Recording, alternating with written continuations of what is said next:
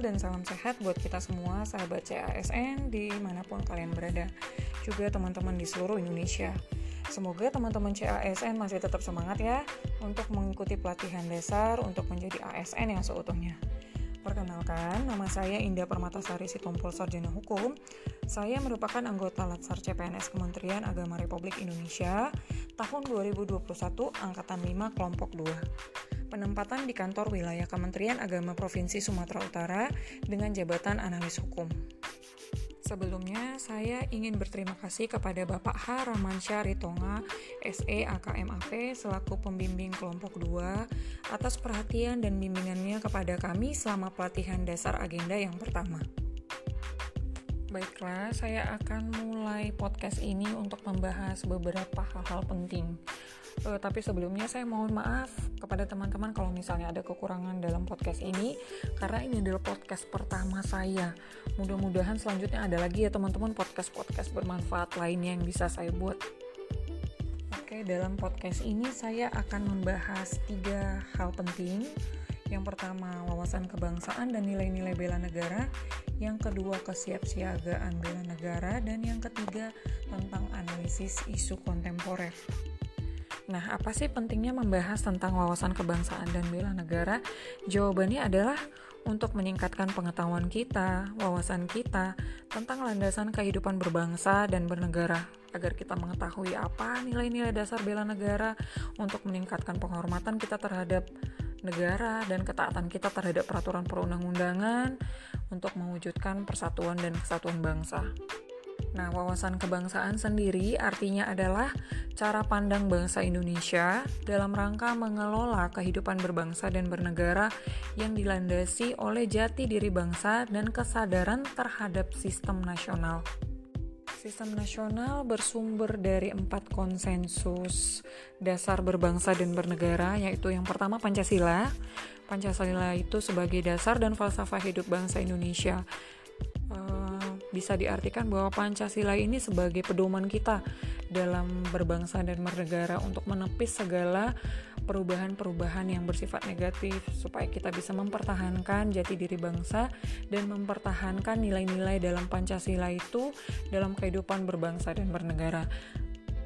Yang kedua, Undang-Undang Dasar 1945 Nah, di dalam Undang-Undang Dasar 1945 ini tertuang cita-cita bangsa Indonesia dan tertuang e, beberapa keistimewaan dan hal-hal penting yang ingin disampaikan oleh para pendiri bangsa.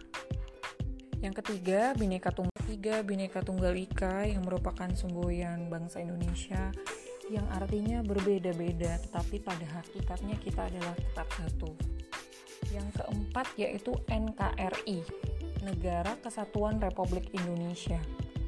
Nah, tujuan NKRI ini sudah tercantum dalam pembukaan Undang-Undang Dasar 1945 yang tertuang dalam alinea keempat, meliputi yang pertama, melindungi segenap bangsa dan seluruh tumpah darah Indonesia, yang kedua memajukan kesejahteraan umum, yang ketiga mencerdaskan kehidupan bangsa, dan yang keempat ikut melaksanakan ketertiban dunia berdasarkan kemerdekaan, perdamaian abadi, dan keadilan sosial. Ada juga nih hal lainnya yang tidak kalah penting, yaitu bendera Indonesia, merah putih, kemudian lambang negara Indonesia, Garuda Pancasila dengan semboyannya Bhinneka Tunggal Ika, dan lagu kebangsaan Indonesia yaitu Indonesia Raya. Topik kedua yang mau kita bahas yaitu tentang nilai-nilai bela negara. Bela negara apa sih artinya? Bela negara itu adalah tekad, sikap, dan perilaku serta tindakan kita sebagai warga negara, baik secara perseorangan maupun kolektif dalam menjaga kedaulatan negara, keutuhan wilayah, dan keselamatan bangsa dan negara yang dijiwai oleh kecintaan kita terhadap negara Indonesia berdasarkan Pancasila dan Undang-Undang Dasar 1945 kesadaran bela negara itu perlu diaktualisasikan dengan aksi dan tindakan yang nyata. Nah, untuk itu ada beberapa indikator nih nilai dasar bela negara. Yang pertama, indikator cinta tanah air. Contoh, nih salah satu contoh, kita bangga menggunakan hasil produk bangsa, produk-produk dalam negeri. Kemudian kita bangga menggunakan batik sebagai seragam kerja kita pada hari-hari tertentu dan lain sebagainya. Indikator kedua yaitu sadar berbangsa dan bernegara. Bisa ditunjukkan dengan sikap kita yaitu menjalankan hak dan kewajiban kita sebagai warga negara sesuai dengan peraturan perundang-undangan. Misalnya kalau kita berkendara, kita melengkapi surat-surat, kita menggunakan sabuk pengaman dan hal-hal lain yang memang sudah ditentukan. Yang ketiga, indikator setia pada Pancasila sebagai ideologi bangsa. Contohnya kita mengamalkan eh, nilai-nilai dalam Pancasila dalam kehidupan sehari-hari, kita rajin beribadah, kita mengembangkan sikap toleransi dan lain sebagainya. Indikator keempat yaitu rela berkorban untuk bangsa dan negara. Bisa juga ditunjukkan dengan sikap kita uh, di dalam dunia pekerjaan, kita bersedia mengorbankan waktu, tenaga, dan pikiran untuk kemajuan bangsa dan negara. Indikator kelima yaitu kemampuan awal bela negara. Bisa ditunjukkan nih dengan sikap kita yang gemar berolahraga, menjaga kesehatan, dan senantiasa bersyukur atas nikmat yang telah diberikan oleh Tuhan kepada kita. Materi terakhir yang mau saya bahas terkait tentang analisis isu kontemporer. Maksud dengan isu kontemporer di sini adalah segala sesuatu hal yang memang benar-benar terjadi, berlangsung di dalam masyarakat, yang di dalamnya tergandung suatu permasalahan yang memang ingin dicapai suatu penyelesaian permasalahannya.